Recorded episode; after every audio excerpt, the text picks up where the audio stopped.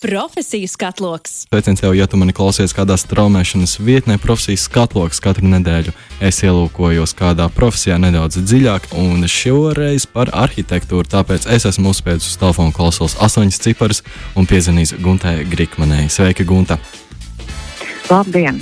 Jūs esat arhitekte, un man vienmēr tā asociācija par arhitektūru ir bijusi tāda, ka cilvēks ir zīmē mājas. Tā ir mana vienmēr ātrā interpretācija par arhitektūru. Kā jūs definētu, ko dara arhitekts? Uh, droši vien, tas arī ir vistradicionālākais uzskats, uh, un visa galā arhitekta um, vārds vai pats vārds arhitekts uh, nāk no grieķu valodas, uh, un faktiski tiešā tulkojumā nozīmē galvenais būvnieks. Uh, tā kā jā, runa jau pamatā ir par mājām. Un, um, ja šodienas acīm mēs raudzītos, tad runa ir ne tikai par mājām, bet par jebko, kas ir saistīts ar būvētu vidi. Tātad gan ar vidi, kurā tās mājas atrodas, gan to uh, domāšanu par to, ko nodara mājas vai dara mājas labu vai sliktu apkārtnē. Tas viss uh, būs saistīts ar arhitektūru tādā vai savādākā mērā. Arhitekts, Jā, galvenais būvētājs. Idejiski sanāk, ka tomēr to būvēšanas daļu To dara celtnieki, inženieri, un arhitekts ir uz to plānošanu, kā tas viss izskatīsies un funkcionēsies. Kādi būtu tie galvenie darba pienākumi arhitektam? Ja mēs runājam tieši par māju būvniecību, tad, jā, tieši kā teicāt, arhitekts ir tas, kurš izdomā, kāda tā māja būs - liela, maza, vai, vai plata vai augsta. Arhitekts izdomā, Eh, kādas būs telpas šajā mājā, kā tā izskatīsies no ārpuses un arī no iekšpuses, kā tā funkcionēs. Arhitekts dod uzdevumus uh, inženieriem, um, kā piemēram elektrības projektētājiem vai būvkonstruktoriem. Un visa šī projekta grupa, tā tas parasti saucās ikdienā, šī projekta grupa uh, kopā rada šo vīziju un arī reālo tehnisko dokumentāciju, pēc kuras var nākt nākošais jau posms, tātad būvnieks kurš ņem un uzbūvē to māju no ķieģeļiem, no betona, no koka, dažādām modernākām tehnoloģijām. Tas ir tāds caurējošs process, un arhitekts ir iekšā no pašas pirmās dienas, kad viņš vispār ir viņa galvā ir radusies doma par to, kāda tā māja būs. Uh, un sadarbībā ar visiem šiem inženieriem un arī ar būvnieku. Arhitekts faktiski arī pabeidz šo mājas būvniecību brīdī, kad tā māja, kad atklāts tiek atdots sen īpašniekam. Tas būtu ļoti vienkāršots schematisks veids, kam vēl gan priekšā, gan aizmugurē nāk vēl arī tādas lietas, kas būtībā jau skaidrs, ka arhitekts nerada to māju, nu, reizēm rada, bet reti pats sev. Arhitekts rada kādam cilvēkam vai pasūtītājam. Un tad arhitekts ir tas, kurš spēj šo pasūtītāja vīziju, uh, kuru pasūtītājs iespējams pats nespēja uzlikt uz papīra un saprast, kas tas ir un kā tas īsti izskatīsies dabā. Arhitekts spēj to vīziju materializēt kopā ar visiem šiem saviem pārējiem kolēģiem, partneriem un iesaistītajām personām. Un arhitekts lielā mērā ir atbildīgs arī par to, kā tā māja darbosies un kā pasūtītājiem vai tās ēkas lietotājiem būs dzīvot šajā mājā. Vai tas būs ekonomiski, vai viņam tur būs silti vai augsti, vai viņš varēs dabūt vaļā visus logus, piemēram. Šīs visas lietas, jā, tā ir praksa. Tas ir tāds praktiskie jautājumi, kas ir jāuzdod gan sākumā, gan vidū, gan beigās. Un ar ko nodarbojas tieši arhitekts parasti, vadot šo būvprojektu izstrādes un arī būvniecības lielā mērā grupu. Kad jūs pieminējāties par to, ka arhitekts ir gan sākumā, gan pa vidu, gan beigās tieši projekta izstrādāšanā, lai arī kas tas būtu, arī nākamais jautājums bija uh, replika par to, ka manā prātā jebkura projekta realizēšana ir kā tāds liels konvejers vai domino kauliņš, kur katram cilvēkam ir tā sava loma. Un uh, kaut kādā daļā kāds kaut ko izdara, un galu galā mēs nonākam pie šī projekta. Un tad vēlējos jautāt, kurā brīdī, kurā šajā ķēdes posmā ir arhitekts, bet jūs atbildējāt, ka gandrīz visos. Jā, jo, ne, diemžēl, nu, ir, ir domino princips, protams, darbojas, un konvejers arī darbojas, bet ar konvejeru sākās saprast, un arī ar domino tādā klasiskā izpratnē mēs saprotam kaut kādu lineāru kustību, mm. kur viens ierosina nākošo darbību. Šeit tā ir miedarbība. Piemēram, es nezinu, nu, pasūtītājs ir izdomājis, ka viņš vēlās uh, kaut kādu programmu, kaut vai savai privātu mājai. Tad, pārdomājot visus tos risinājumus, arhitekts ir uzzīmējis ļoti skaistu privātu māju un sākot to uh, tāmēt, tad, tad aprēķināt tās izmaksas. Izrādās, ka ir kaut kādas pozīcijas, kas ir ārkārtīgi dārgu un pasūtītājs to nevar atļauties. Un tad kopā tiek meklēti labāki risinājumi un bieži vien atgriežas pat galīgi sākuma punktā.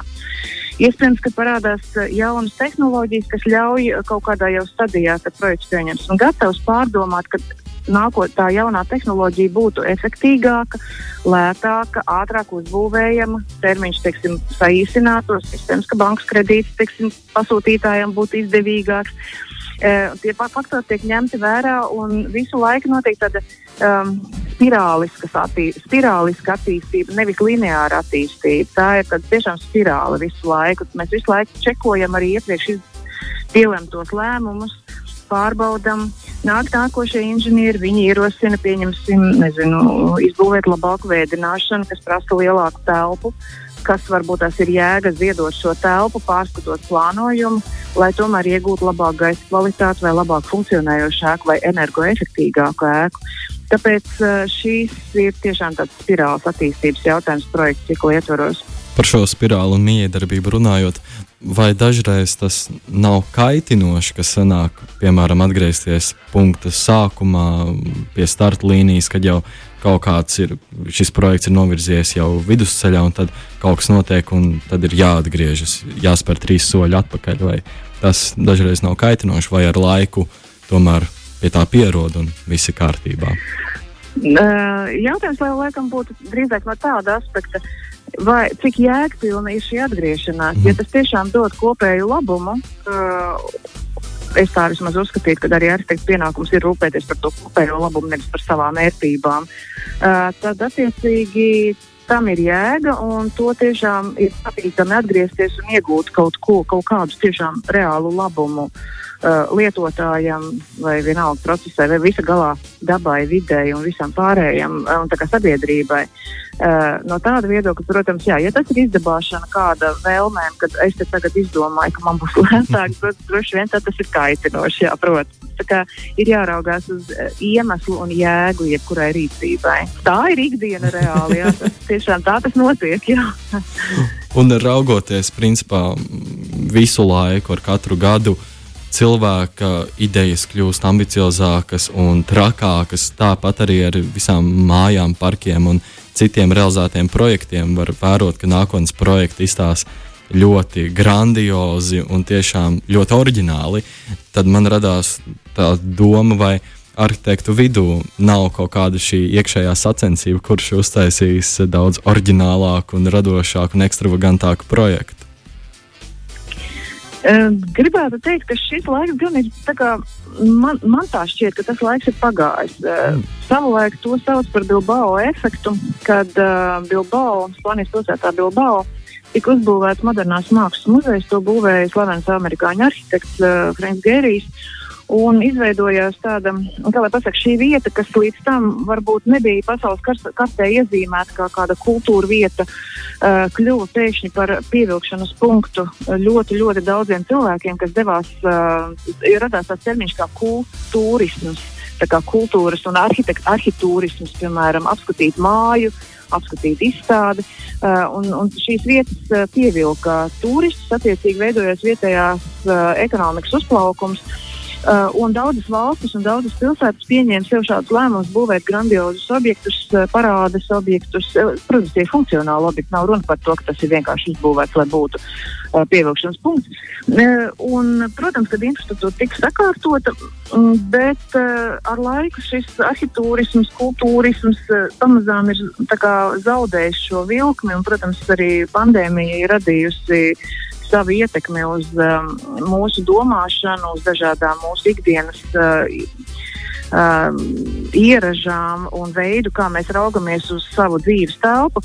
Tādējādi es teiktu, ka šobrīd, uh, tieši šodien vai šogad, um, tas uh, raud, uh, redzējums arhitektūrā ir tomēr nedaudz piezemētāks, viņš ir kļuvis daudz praktiskāks, bet labā nozīmē, nevis uh, maksimāli lēti. Uh, bet maksimāli efektīgi gan izmantot telpu, gan izmantot materiālus, gan citus resursus, gan arī kā šī māja ilgtermiņā kalpos, kā būs cilvēkiem tajā dzīvot, kā piemēram nu, jaunajos projektos ir faktiski obligāti katram dzīvoklim jau šobrīd kļūst balkons vai terase vai kāda cita ārtelpa.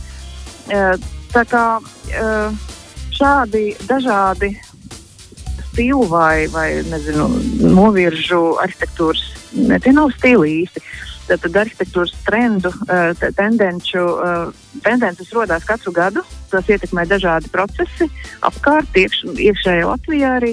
Un domāju, ka arhitekti ļoti labi tam pielāgojās, un arī pasūtītāji tam pielāgojas. Jo lielā mērā tas tiešām ir pasūtītāja jautājums. Ja viņš gribēs pasūtīt sev ļoti redzamu ēku, uh, tad būs arhitekts, kas to izpildīs. Bet uh, pats arhitekts jau pats par sevi bez tāda tieša pasūtītāja akcepta neko jau īsti gribēt, jo viņš var uzprojektēt ļoti, ļoti redzamu ēku. Bet uh, viņa nevienam nebūs vajadzīga, ja tā būs lieki sadārdzināta. Tā, kā, tā tīri tāda sacensība par to, kurš uzbūvēs visgraznāko māju vai visredzamāko. Teiktu, ka šobrīd īsti tāda nenorit, nenoris. Jā, kultūras būvēm, protams, jā, tās ir tādas redzamas sēklas, mm. bet uh, tādai ikdienišķajai uh, fona būvniecībai tas arī ir lielākais, kā lai pasaka, mūsu uh, veids, kā mēs patērējam arhitektūru ikdienā. Tad es teiktu, ka šobrīd ir ļoti racionāla arhitektūra. Par attīstību nākotnē, tieši arhitektūrā domājot, sākumā visas digitālās tehnoloģijas attīstās, rodas daudz jaunu risinājumu dažādām problēmām. Vai arhitekti joprojām izmanto zīmolu dažādu skiču radīšanai, vai viss lēnām kļūst digitalizēts? Uh, ir kas izmanto, ir kas jau ir pārgājuši uz digitālo. Tiešām grūti pateikt un novilkt svītru. Uh, principā pati tā skicēšana ar roku veicina domāšanu. Tas būtu mans viedoklis.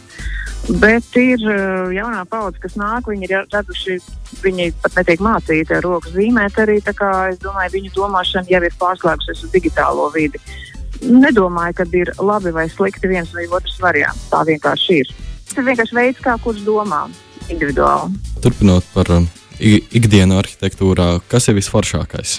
Visforšākais, laikam, ir tie 5% no projekta dzīves cikla, kad es varu netraucēt sēdēt un domāt, kāda tā māja izskatīsies. Jo 95% no tā projekta dzīves cikla paies zīmējot tehniskus mezglus, domājot, kur ies inženieru komunikācijas, saskaņojot ar pasūtītājiem, celtniekiem dažādus materiālus un tā tālāk. Tā kā tie 5% tie ir tie, kas dod šo baudu par, par savu profesiju. Šajos... Bet arī pārējais, protams, tas ikdienas, ikdienas darbiņi arī, protams, gandarījumi, bet jā, tie 5% ir pašākie. Šajos 5%, 5 cik liela radošā brīvība ir um, skicē, domāt, radīt? Vai ir kaut kādi ierobežojumi vai brīva griba, kas taps, tas taps? Ierobežojumi droši vien ir tie, kāds ir pats uzdevums. Mm. Tātad, kas, ir, kas, kas tieši ir jārada? Uh, protams, ka pastāv vēl kaut kādi ierobežojumi, kā, nezinu, ja tā māja atradīsies konkrētā vietā, tad būs abūs noteikumi. Katram jau galvā sēž vairāk vai mazāk kaut kādi normatīvi akti, ar kuriem būs jārēķinās. Un nav jēga uzzīmēt piecu stāvu māju vietā, kur nekad ne, neatļaus uzbūvēt piecus stāvus, piemēram. Um, tomēr tas ir vairāk jau tāds, kas ir, kā lai pasaka, ja mēs esam pieraduši kaut ko darīt, tad mēs vairs par to ikdienā nedomājam. Tie, tie, tie ierobežojumi kaut kur jau galvā sēž un viņi vienkārši automātiski pieņem pat neskatoties um, likumdošanā. Un, attiecīgi, tu vienkārši domā par pašu objektu un rādi viņu. Jā, tas ir. Tad tu esi brīvs, izņemot šos kaut kādus rāmīšus par pašu tēmu, ko tu īsti dari. Un noslēgumā par jauniešiem, kuri plāno studēt arhitektūru. Kāds būtu jūsu ieteikums viņiem pārliecināties vai ieteiktu kaut ko ēnot? Kāds būtu jūsu ieteikums jauniešiem, lai viņi varētu pārliecināties, ka arhitektūra varētu būt viņu nākotnes profesija? Manuprāt, ēnošana ir absolūti lielisks veids, kā vispār raudzīties uz jebkuru profesiju. Mm, es esmu tas vecāks paudze, Eh, manā laikā kāds nāca uz skolu un stāstīja par savu profesiju. Un jāatzīst, ka tas nedēva nekādu īsto priekšstatu. Jā, bet šī ēnošana arī mūsu birojā bieži nāk, katru gadu ir bijuši, neizņemot, protams, šobrīd pēdējos divus gadus, ir bijuši jaunieši uh, dabā redzēt ko nozīmē, tā skaitā sēdēt sapulcēs un skatīties, kā zīmē un ko zīmē un aiziet uz būvi. Tā ir pavisam cita sajūta, ka tu apmēram aptver to jautājumu loku, ar kuru ikdienā nāks strādāt arhitektam. Un, um, un tāpēc ēnošana noteikti ir viens no uh, veidiem, kā to darīt. Un vēl ir jāatcerās, ka arhitekts. Um, ja kādreiz mēs tiešām, un mēs arī sākām šo sarunu par to, ka arhitekts ir tas, kurš um, saka, palīdz būvēt mājas vai arī rada mājas, uh, arhitektūra ir ārkārtīgi plaša uh, nozare.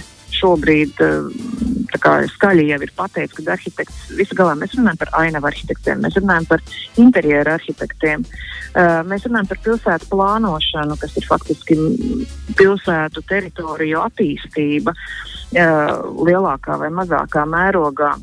Mēs uh, varam runāt par uh, arhitektūras teoriju un kritiku. Mēs noteikti varam runāt par dažādiem, gan mazākiem, gan lielākiem mērogiem, kuros visos strādā arhitekti. Uh, līdz ar to uh, izvēle, kā specializēties, arī pastāv ļoti, ļoti plaši. Tāpēc uh, varu tikai aicināt, jo es domāju, ka profesija ir ļoti, ļoti skaista, ļoti interesanta Un, ja kurš var atrast uh, savām interesēm specifiski raksturīgi, uh, kā, svarī, svarīgākos virzienus, kuros attīstīt savas spējas un vēlmes. Profesiju skatloks!